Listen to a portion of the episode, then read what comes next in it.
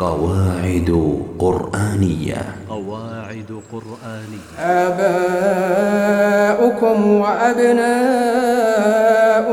لا تدرون لا تدرون أيهم أقرب لكم نفعا. مما يحسن ذكره في هذا المقام أن الشيخ الأديب علي الطنطاوي رحمه الله وهو ممن ابتلي بالبنات ولم يرزق الذكور كتب مقالا أكاد أجزم لو قرأه الذين ابتلوا بالبنات لم يتمنوا إلا ما هم فيه.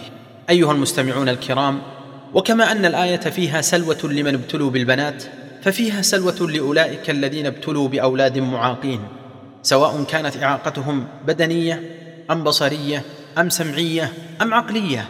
فيقال لهم وعسى أن تكرهوا شيئا وهو خير لكم. ويقال لهم أيضا والله إنكم لا تدرون أي أولادكم أقرب لكم نفعا. إن هذا المعاق قد يكون أقرب لكم نفعا في الدنيا قبل الآخرة. أما في الدنيا فكم فتحت هذه الابتلاءات لوالدي هؤلاء المعاقين من لذة التعلق بالله عز وجل ومناجاته ورجائه الفرج؟ وكم ربت هذه الابتلاءات في نفوس والدي المعاقين من معاني الصبر والاحتمال ما لم يكن يحصل لهم ذلك لولا هذه الابتلاءات؟ وكم وكم وكم من نعمة في هذه الابتلاءات. وأما في الآخرة فلعل أمثال هذه الابتلاءات بهؤلاء المعاقين تكون سببا في رفعة درجاتهم عند الله تعالى رفعة قد لا تبلغها أعمالهم.